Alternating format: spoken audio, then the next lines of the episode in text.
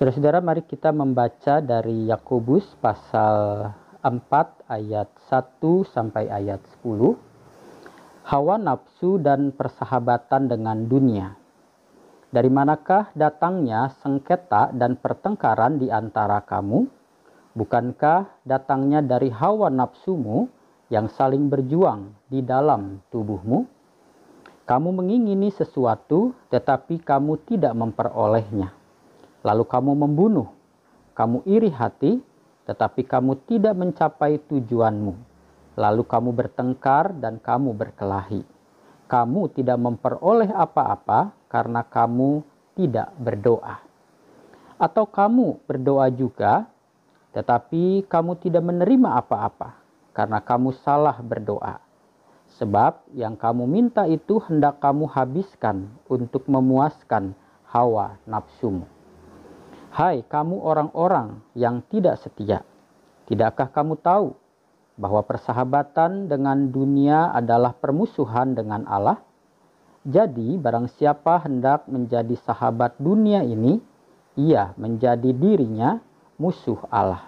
Janganlah kamu menyangka bahwa kitab suci tanpa alasan berkata, "Roh yang ditempatkan Allah di dalam diri kita." Diingininya dengan cemburu. Tetapi kasih karunia yang dianugerahkannya kepada kita lebih besar daripada itu. Karena itu ia katakan, Allah menentang orang yang congkak, tetapi mengasihani orang yang rendah hati. Karena itu tunduklah kepada Allah dan lawanlah iblis, maka ia akan lari daripadamu. Mendekatlah kepada Allah dan ia akan mendekat kepadamu. Tahirkanlah tanganmu, hai kamu orang-orang berdosa, dan sucikanlah hatimu, hai kamu yang mendua hati. Sadarilah kemalanganmu, berduka cita dan merataplah. Hendaklah tertawamu kamu ganti dengan ratap, dan sukacitamu dengan duka cita. Rendahkanlah dirimu di hadapan Tuhan, dan ia akan meninggikan engkau. Saudara-saudara, sampai di situ bacaan kita. Yang berbahagia tentu kita yang mendengarkan firman Tuhan dan yang memelihara firman di dalam hidup kita sehari-hari. Saudara-saudara kekasih Tuhan, bersahabat dengan dunia atau bersahabat dengan Allah. Saudara, itu adalah tema kita untuk merenungkan bagian firman Tuhan ini. Saudara-saudara, siapa yang bisa kita sebut sebagai sahabat Allah? Saudara-saudara tentu bisa menjawab ini misalnya dengan mengatakan orang-orang yang saleh, yang taat beragama, dan orang-orang yang hidupnya menjalankan perintah Allah. Tetapi saudara-saudara, pertanyaan selanjutnya adalah seperti tema kita, yaitu siapa yang bisa disebut sebagai sahabat dunia ini. Biasanya saudara-saudara, orang akan menyebut sahabat dunia mereka adalah orang-orang yang hidupnya secara duniawi.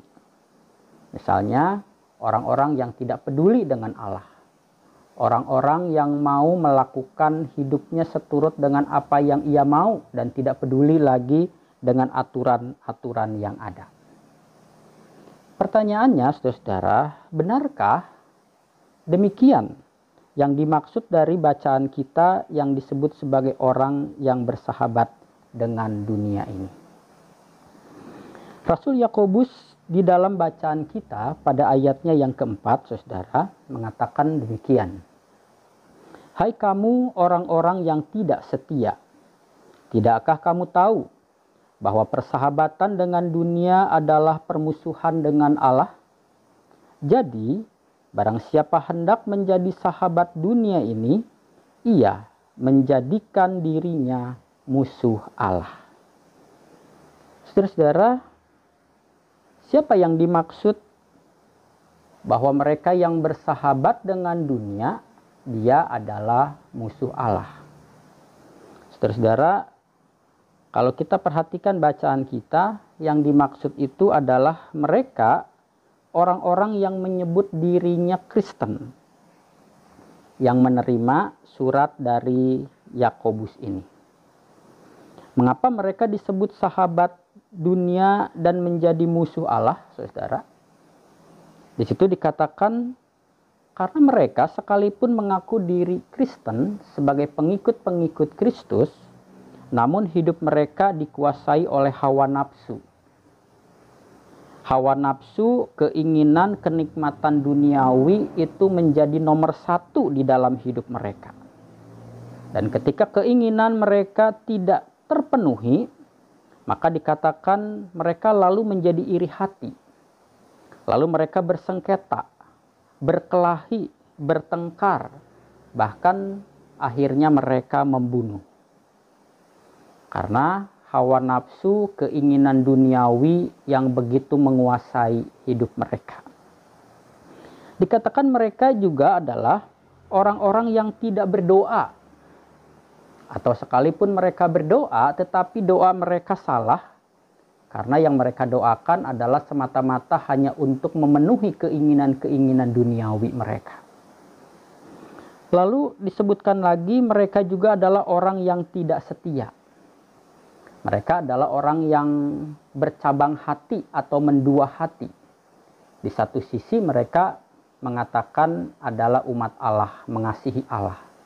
Tetapi kenyataan di dalam hidup mereka justru mereka lebih mencintai hal-hal yang duniawi. Kenikmatan-kenikmatan dunia yang mereka kejar. Nah, saudara-saudara itulah kondisi umat percaya penerima surat Yakobus ini. Maka disebutkan mereka adalah berkawan dengan dunia dan sekaligus menjadi musuh Allah. Pada bagian ini, saudara-saudara, Rasul Yakobus mau menasehati bahwa Allah tidak menghendaki umatnya bercabang hati atau berlaku demikian. Karena dikatakan Allah kita adalah Allah yang cemburu. Allah mengasihi kita dan Allah pun ingin kita mengasihinya. Tetapi selain Allah kita adalah Allah yang cemburu, pada bagian ini diungkapkan juga oleh Rasul Yakobus, Allah kita juga adalah Allah yang penuh dengan kasih karunia. Artinya saudara-saudara, kalau umat didapati entah disadari atau tidak mereka dikuasai hawa nafsu dan dengan demikian mereka memusuhi Allah. Tapi kalau mereka mau bertobat, maka saudara Allah yang penuh dengan kasih karunia itu akan menerima mereka kembali dan menjadikan mereka sahabat-sahabat Allah, bahkan anak-anak Allah. Nah, saudara-saudara kekasih Tuhan, apa yang dimaksud kalau mereka bertobat? Di dalam bagian yang kita baca ayat 5 dan seterusnya, di situ dikatakan kalau mereka bertobat artinya kalau mereka mau tunduk kepada Allah.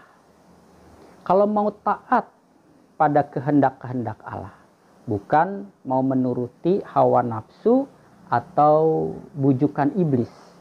Maka dikatakan tunduklah kepada Allah dan lawanlah iblis, maka ia akan lari daripadamu. Bertobat juga berarti mendekat kepada Allah. Mau dekat, mau sejalan dengan Allah dan mau berjalan bersama dengan Allah di dalam kehendak-kehendaknya. Dan selanjutnya bertobat itu adalah juga berarti dikatakan tahirkanlah tanganmu dan sucikanlah hatimu. Artinya berhenti berbuat jahat dan berhenti iri hati atau mengotori hati dengan hal-hal yang tidak berkenan. Dan terakhir, saudara, bertobat berarti menyadari kemalangan, lalu berduka cita dan meratap. Artinya menyesali dosa menyesali kehidupan yang menuju kepada kesia-siaan itu. Dan kalau kita mau bertobat seperti itu, dikatakan Allah yang penuh dengan kasih karunia itu di ayat 10 Saudara, ia akan meninggikan kamu. Ia akan menyayangi kamu dan menjadikan kamu lagi adalah sahabat bahkan anak-anaknya. Jadi, saudara-saudara yang dikasih Tuhan, yang menjadi musuh Allah itu yang dimaksud di dalam surat Yakobus ini adalah orang-orang Kristen yang tidak setia di dalam imannya. Orang-orang Kristen yang mendua hati di dalam hidupnya. Yang mengatakan mencintai Allah tapi kenyataannya justru mencintai dunia ini dengan segala kenikmatannya. Saudara-saudara, bila kita ilustrasikan bagian ini mungkin saudara seperti sebuah serial drama Korea yang saya yakin ibu-ibu dan mungkin juga bapak-bapak karena masa pandemi ini eh, banyak ada di rumah mungkin mengikuti serial ini saudara yaitu yang berjudul The World of the Married Couple serial ini saudara menceritakan tentang seorang suami yang tidak setia kepada istrinya dia mendua hati lalu dia mempunyai will atau wanita idaman lain dan bahkan kemudian ia menikah dengan wanita idamannya itu dan akhirnya juga mempunyai anak. Tapi akhirnya dari sikap yang tidak setia ini sebetulnya hal itu saudara menghancurkan dirinya, menghancurkan keluarganya, istrinya, anak-anaknya dan bahkan orang-orang yang dekat dengan dia itu mereka tersakiti. Nah, saudara, seperti itulah hidup berkawan dengan dunia. Tidak setia kepada Allah dan akhirnya menghancurkan hidupnya sendiri. Saudara-saudara kekasih Tuhan, lalu bagaimana dengan kekristenan kita, saudara? Apakah kita ini sahabat-sahabat Allah atau kita ini adalah sahabat-sahabat dunia. Karena sekalipun kita mengaku Kristen, ternyata kita masih hidup di dalam keinginan-keinginan daging dan itu menjadi nomor satu bagi kita. Tanpa kita sadari, kita sedang mengabaikan kehendak Allah atau memusuhi Allah. Saudara-saudara, pada masa pandemi ini, kita sebagai orang Kristen dan juga semua orang sebetulnya baik di Indonesia maupun di dunia kita belajar untuk menahan diri. Kita belajar untuk menahan keinginan-keinginan kita atau hawa nafsu kita di mana kita sering kali hidup semau gue. Yaitu saudara, pada masa pandemi ini kita belajar untuk setia dan taat pada aturan-aturan yang ada setia dan taat pada aturan pemerintah untuk tetap tinggal di rumah saja, sekalipun membosankan.